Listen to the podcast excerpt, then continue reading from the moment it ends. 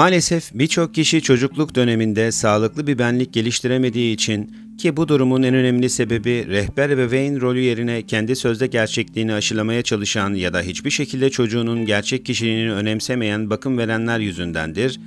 Kendini kabul ettiremediği kişi kimse hayatı boyunca o onayın arayışı içerisindedir. Ve yine maalesef hepsi olmasa da çoğu önemli seçim bu arayışın sonucunda gerçekleşir. Daha küçücük bir çocukken ve gerekli manevra kabiliyetinin kazanılmadığı zamanlar temel ihtiyaçlar noktası gibi görülebilir. Lakin her birimiz bu dünyaya farklı boşlukları doldurmak ve o boşluklara yeni farklı anlamlar vermek için dünyaya geliriz.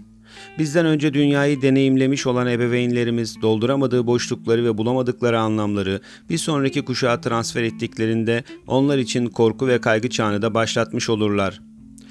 Rol yapmanın, pembe veya mor yalan söyleyebilmenin ne demek olduğunu, bir problem karşısında çözüme nasıl ulaşabileceğini henüz bilemeyen, güçlü gibi, bilmiş gibi, cesur gibi davranmayı keşfedememiş çocuk, tüm bunları başarabilen ve mış gibi yapabilen ebeveyninden hayatla alakalı doğru bilgilerin ne kadarını öğrenebilir ve ona bu konularda pratiklik kazandıracak doğru ders ve modelleri nasıl seçip ayırt edebilir?''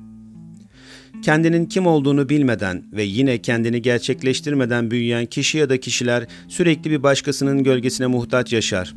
Ama yine de güdük kalmış benliklerin zaman zaman kendini hatırlatma çabası da kişiyi zora sokabilir.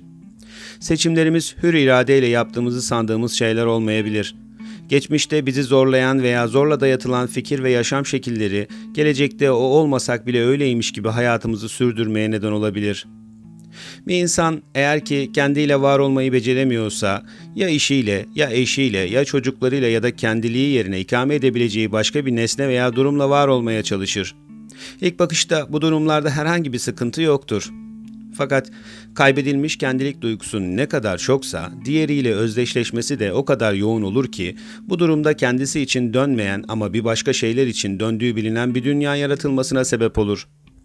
Dünya kendi ekseni etrafında bir tam tur dönüşünü ortalama 24 saatte tamamlar. Ama Güneş'in çevresini 8766 saatte. Yani diyebiliriz ki kendinin farkında olan kişi bir dünya olduğunun da farkındadır. Dünyanın da kendi etrafında dönüyor olması, gece gündüz farkını, rüzgarların farklı yönlerde esmesini, hava basıncının değişmesini, yönleri tayin edebilmemizi ve daha pek çok değişimin gerçekleşmesini sağlar. Oysa durmuş ve sadece güneşin etrafında dönen bir dünya tek tip bir gün yaşamanızı yani sadece gece ve gündüze, rüzgarların çok şiddetli veya hiç esmemesine, hava sıcaklığının ve basıncının ani çıkışı veya düşüşüne, hangi yönde ya da ne tarafta olduğumuzun bilinmemesine neden olur. Takdir edersiniz ki bu durumda insanlara ve diğer canlılara göre sürdürülebilir bir yaşam tarzı değildir. Sonuç olarak hayatımızı durdurup kendimizi unutarak bir başkası üzerinden yaşamaya çalışmak, var olmadığımız anlamına gelmese de diğerleri etrafında şekillendirilen bir yaşam tarzı da kendi ekosistemimiz için sürdürülebilir değildir. Evet, belki cisimsel olarak varsındır.